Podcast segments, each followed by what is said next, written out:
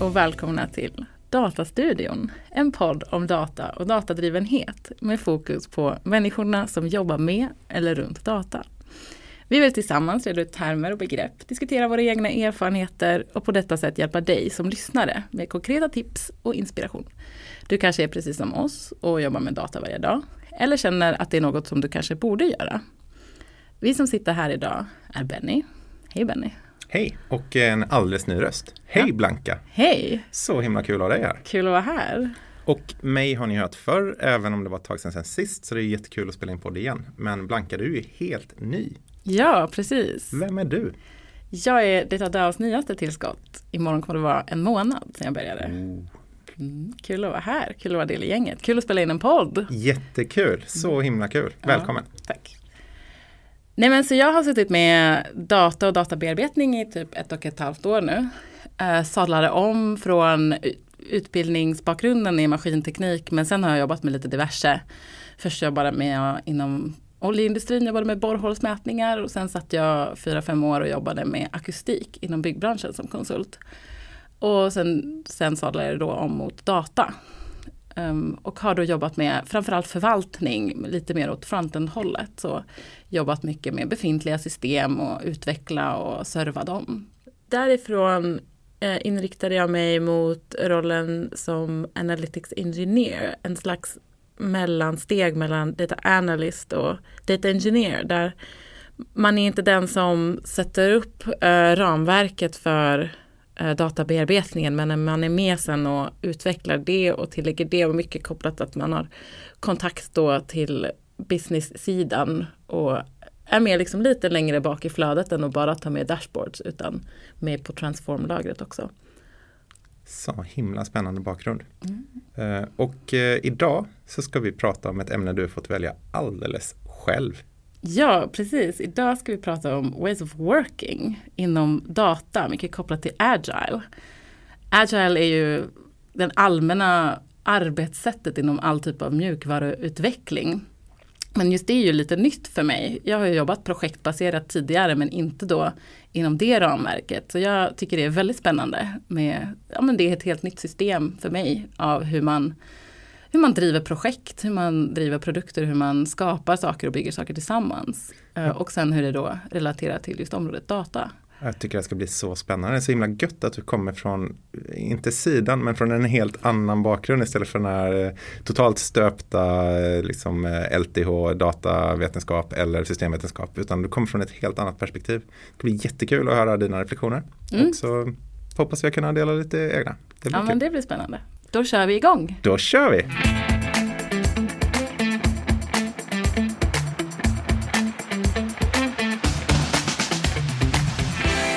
Ja, agilt arbetssätt. Berätta Benny, hur har du jobbat i olika agila sammanhang? Eh, ja, men lite diverse. Eh, jag har både varit Scrum Master och just nu är jag produktägare. Vad är då en Scrum Master?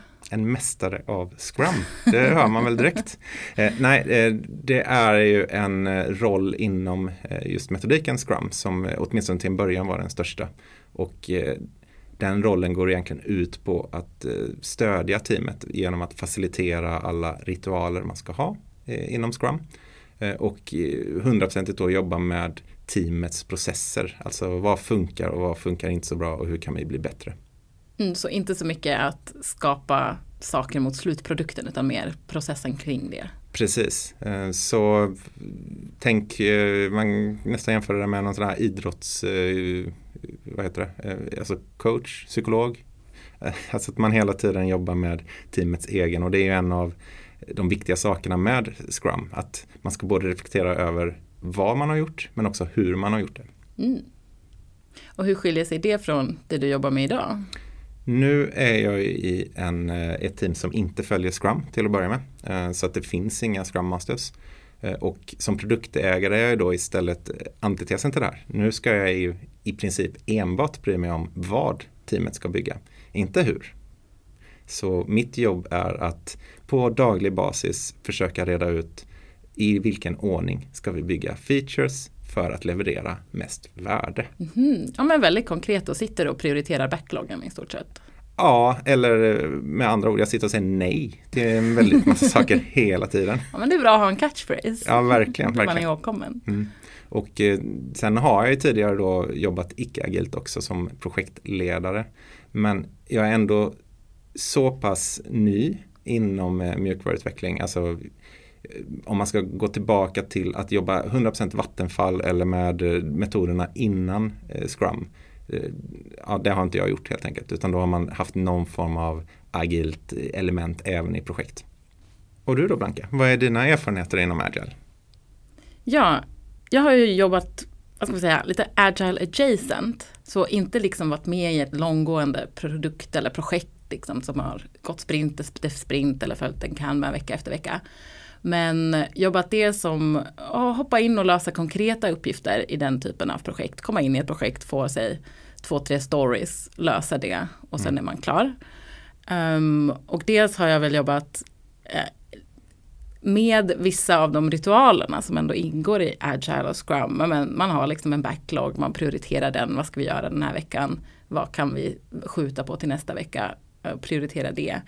Uh, men också arbeta med vissa av de här ritualerna som retro. Att det dyker upp lite då, har dykt upp lite då och då med jämna mellanrum. Uh, så det är erfarenheten som jag har av agil arbete. Och million dollar question nu. Hur är det väldigt annorlunda? Mot hur du jobbat innan alltså? Ja, innan har jag ju jobbat väldigt tydligt projektbaserat. Det finns väldigt tydligt vad som ska levereras. Det ska levereras underlag till en detaljplan, en iagruppsplan eller liknande. Det är liksom en tydligt definierad produkt. Uh, väldigt tydligt spesat och sen bara levererar man den med hjälp av de kontaktpunkter och beröringspunkterna som man behöver. Mm. Uh, så ja, det är ju annorlunda. Det är ju mycket mer mycket mer iterativt såklart att jobba agilt än att liksom ha en tydlig startpunkt, ha en tydlig slutpunkt och dit ska vi. Um, mer, ja, det är ju mer att iterera sig igenom. Mm.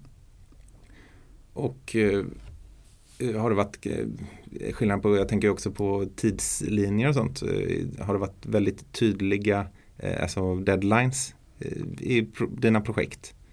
Har det varit någon skillnad eller? Ja, den största skillnaden skulle jag vilja påstå i mitt arbete i alla fall är att backloggen, alltså konceptet att en backlog aldrig tar slut.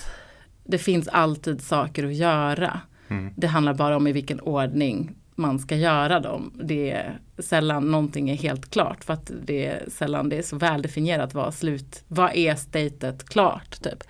Uh, så man kommer, man kommer alltid lite närmare men man man går och går men kommer aldrig fram till dörren. Liksom. Vilken fantastisk beskrivning av agile. Man går och går och kommer aldrig fram till dörren. Men så Benny, vad tycker du om att jobba agilt? Jag tycker att det är helt fantastiskt. Mycket, jag kommer ifrån en småföretagarkultur, eh, så die hard smålänning och tycker att på många sätt eh, för mig är eh, agile ett sätt att i större sammanhang försöka bete sig som ett mindre sammanhang, alltså mer som ett småföretag. Det är min eh, hårdrun. Och man premierar samarbete och teamkänsla väldigt mycket, vilket är superviktigt för mig. Så att eh, 100% för. Du då? Jo men det verkar ju funka. Och oundvikligen. Eh, det finns väl säkert en anledning till varför det är den vedertagna miljö, det vedertagna sättet med hur man jobbar med utveckling. Sen har jag inte jobbat med det tillräckligt länge för att kunna utvärdera det mot andra arbetstyper. Och jag misstänker att man nog inte kommer göra det lite som du säger att vi som industri är klara med det gamla sättet att göra saker och det här är liksom, nu är hjulet runt, nu ska vi bara lösa detaljerna på hjulet.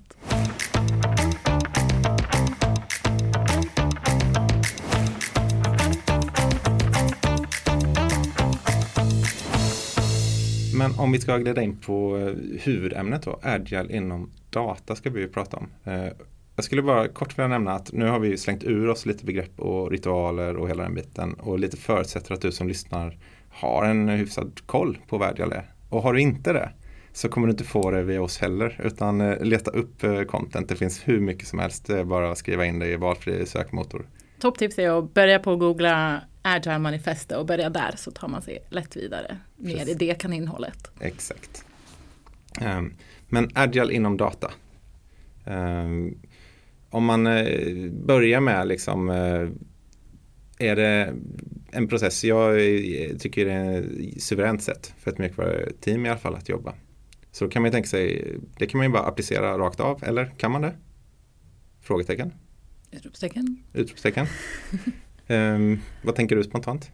Ja, men spontant så är det ju det är ju ett välutvecklat arbetssätt just för att jobba med mjukvaruutveckling och data är ju inte mjukvaruutveckling. Eh, så medan man kan liksom stoppa ner den fyrkantiga klossen i det runda hålet om det runda hålet är stort nog så är det kanske att det krävs en viss anpassningar för mm. metodiken för att det ska funka optimalt. Men samtidigt så är det ju, det är ju ett bra sätt att arbeta rent allmänt. Så det ska väl funka.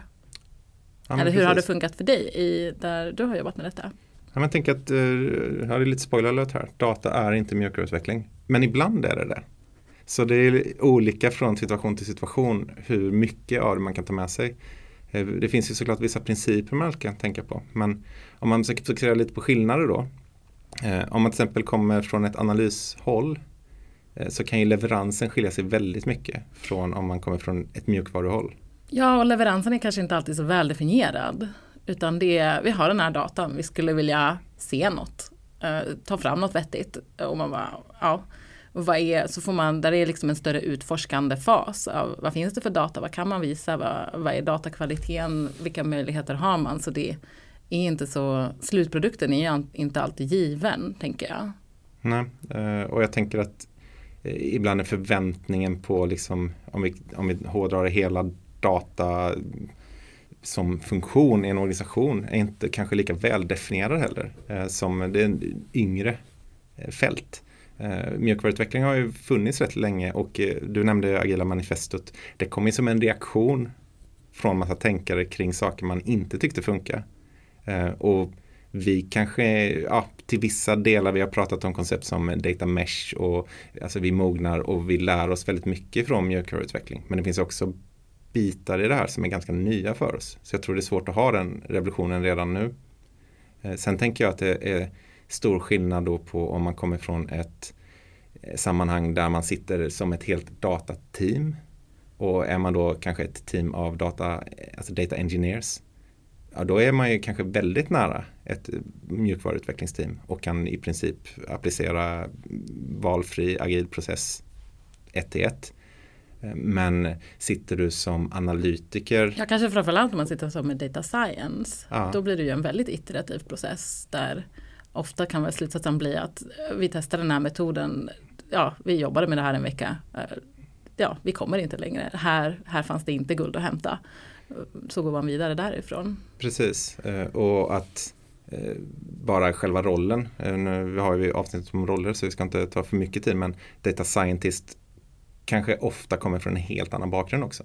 Så man har inte alls den mjukvarubakgrunden utan eh, kanske lite mer akademisk bakgrund och, och van att jobba på ett annat sätt. Eh, ibland kanske till och med lite mer på sin eh, kammare med ett research överhuvudtaget som kanske är svårare att mappa in åtminstone i en klassisk Scrum-process med stories och poängestimering etc. Okej, men så data science kanske inte faller sig helt naturligt inom ett traditionellt agile ramverk medan data engineering faller sig kanske lite mer naturligt. Eh, men vad, vilka saker kan man plocka med sig nästan alltid tycker du Benny?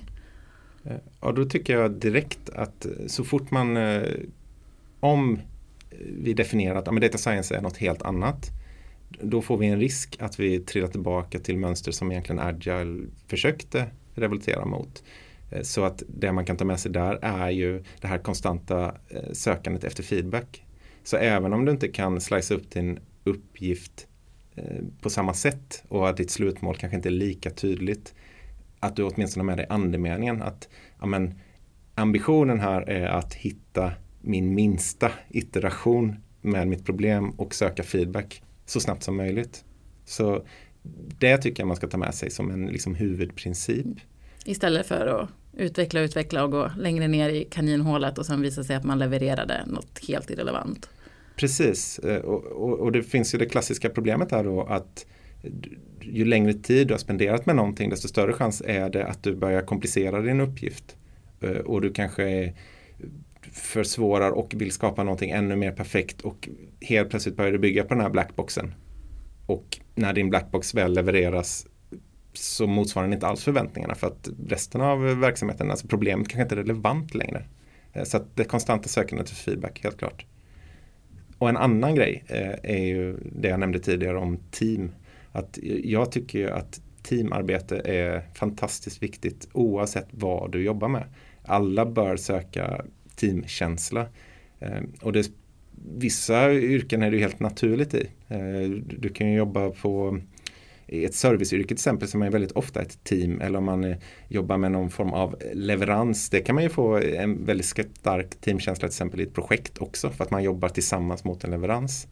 Ehm, och börjar man eh, kompromissa med de grejerna så att man inte alls känner att man jobbar mot samma mål med en annan grupp människor. Och det kan man ju applicera oavsett och där finns det lite enkla hjälpmedel. Du nämnde ju tidigare retro, alltså att man tillsammans vid någon form av tidsintervall tillsammans reflekterar över vad funkar bra och dåligt och det kan man göra med olika teman. Även om man jobbar med olika saker.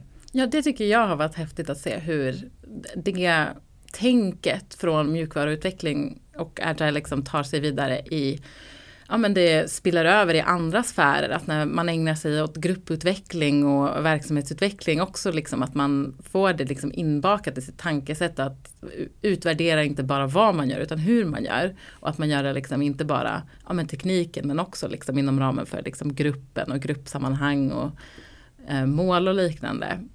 Så retro är ett toppenverktyg. Jag tycker verkligen det också. Och något, eh, för även om projekt, ofta i en projektmetodik så avslutar man ju med lessons learned. Problemet är ju bara att det är en artefakt som man kastar någonstans som ingen någonsin kommer titta på igen. Retro är ju mer för teamet medan man gör någonting. Vad kan vi ändra imorgon? Mm. Vad funkar inte idag? Och att man liksom eh, tillsammans eh, skapar en, eh, ett ansvar kring att men vänta det är faktiskt vi i vår grupp som kan definiera och lösa problem. Ja, sen implementeras det ju liksom olika bra och dåligt ibland har man ju haft retro som, ja, det ger inget, det bara görs liksom för att det står på listan över vad man ska göra idag. Idag ska vi ha retro, då har vi ett retro. Men, ja, och, men ibland har man också retro som är väldigt liksom, tydligt givande att man liksom dagen efter liksom, får konkreta grejer som man ändrar på i sitt arbetssätt. Verkligen, och, och så är det ju såklart med allt. Att uh, det ja. finns ju inte en, eh, en ritual som löser något om man inte medverkar i mm. den eller vad man ska säga. Uh, såklart. Men det jag tror är att det är åtminstone det bästa formatet jag har sett där man försöker konkretisera saker istället för att bara ha en klagostund tillsammans. Eh, Sen kan klagostunder vara trevliga. Alltså det finns ju såklart ett bra, alltså ett syfte med att ha AVS och fikan och allt möjligt där man bara får liksom eh, värpa ur sig och få lite terapi. Men om man vill skapa någon skillnad då är det bra om man också liksom definierar vad vi kan göra. Mm.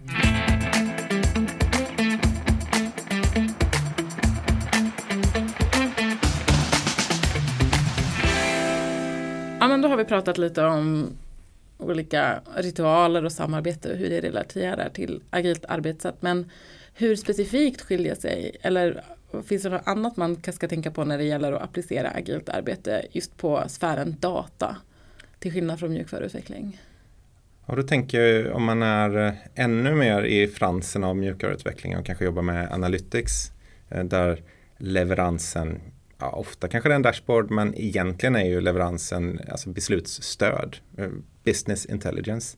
Och man sitter och arbetar med en eh, verksamhet och den verksamheten kanske har noll till väldigt lite koll på agile och noll till väldigt lite engagemang i vad agile är. Ja, då är vi kanske lite mer utanför IT-sfären och mer på affärssidan av saker och ting. Precis, även om jag måste nämna att jag tycker det är skitjobbigt när man separerar IT och affär. Eh, eftersom det i sig innebär en massa problem.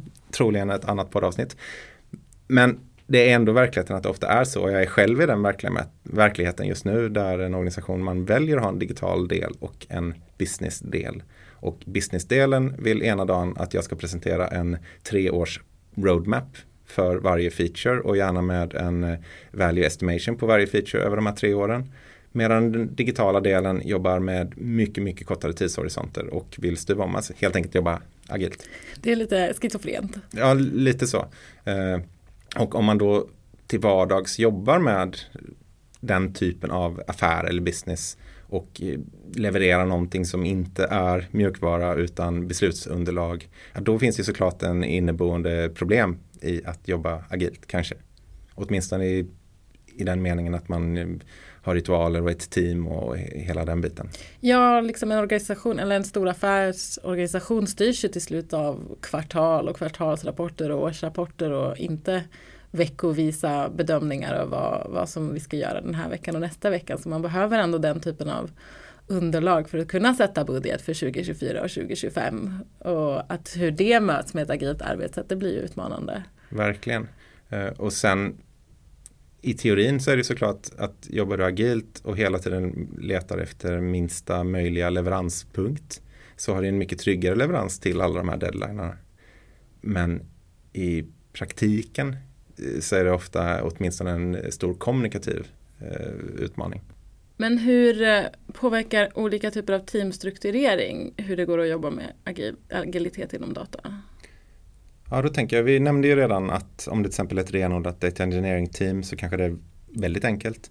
Eh, är du en eh, renodlad data science-funktion så kanske du har andra svårigheter. Och är du då kanske en analytics-funktion så är det svårt i sig självt. Eh, en annan bit här är ju att inom Agile så vurmar man ju väldigt mycket för ja, svårt att säga på svenska, eh, cross-functional teams. Eh, vissa säger korsfunktionella, eh, tvärfunktionella. Tvärfunktionella tycker jag är, är bättre. Ja, men det är inte det man brukar höra, men mm. vi säger tvärfunktionella. Alltså, alltså att man har lite olika roller men arbetar tillsammans.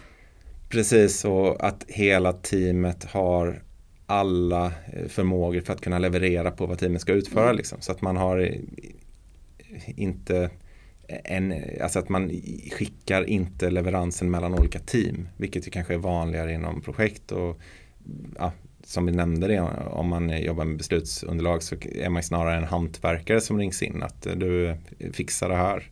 Tack så mycket, nu tar vi det här ifrån igen. Det är ju antitesen till det här med tvärfunktionellt. Eh, och då tänker jag att jobbar du inom, oavsett hur det ser ut på din organisation. Det, det, storleken spelar ju roll. Och är du, om data överlag är en ganska liten del av organisationen, då kanske du tvingas in i ett arbetssätt. Alltså du är en stödfunktion om man har redan etablerade ways of working för sina team och sen stoppar man in en dataresurs i det teamet. Eh, då har jag i alla fall upplevt att många av de här datapersonerna känner att men jag spenderar väldigt mycket tid i olika former av ritualer och möten som bidrar till mitt arbete väldigt lite. Mm.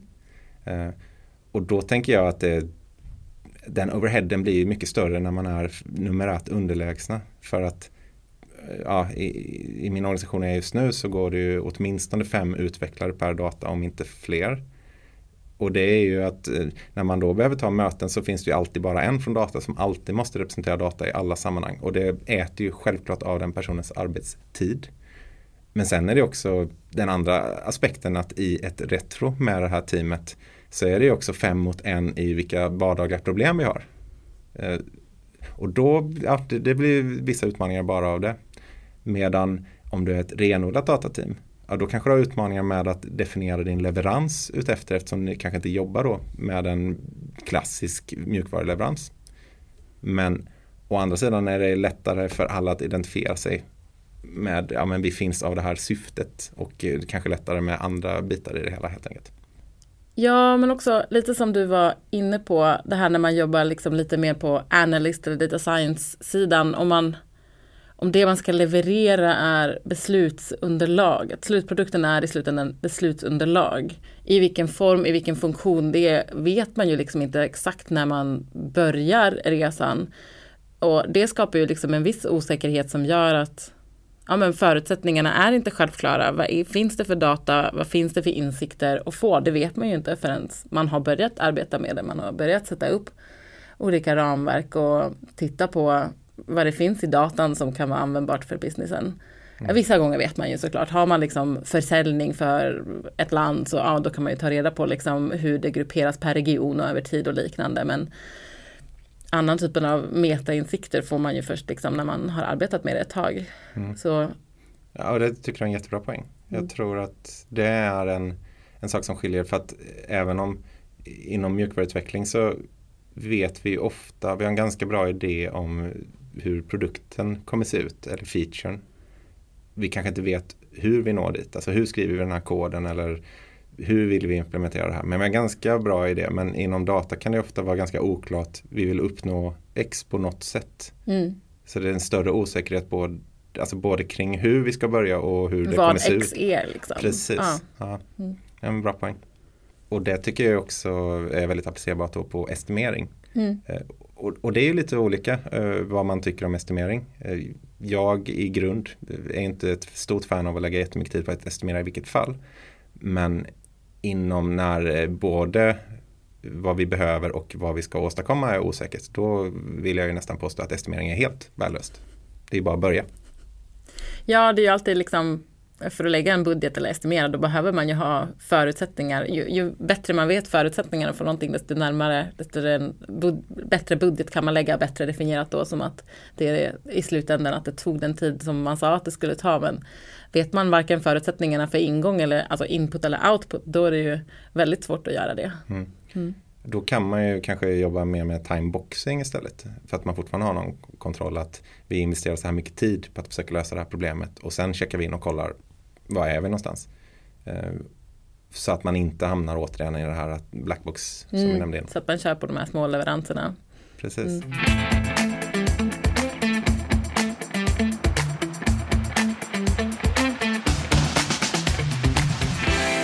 Men eh, det börjar bli dags för oss att runda av lite. Eh, och eh, vi har pratat om ditten och datten. Min första fråga, vad, vad tar du med dig? Vad tänker du? Vad ska vi tänka på med Agile inom data? Vad tänker du tänka på? Jag tänker tänka på att det är ett bra verktyg och ett användbart verktyg. Men det är ett verktyg som inte togs fram för den här situationen. Att jobba med data är nära besläktat med att jobba med mjukvaruutveckling men det är inte samma sak.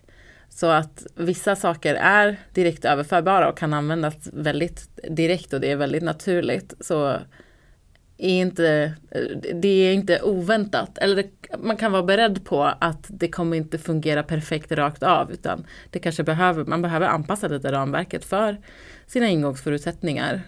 Mm. Vad kommer du ta med dig? Jag tycker du sammanfattar det extremt bra. Ehm, det jag tänker är att eh, gå mer på målet med Agile. Ehm, samarbete, Sök feedback så snabbt som möjligt. Eh, ta med retro som vi pratat om.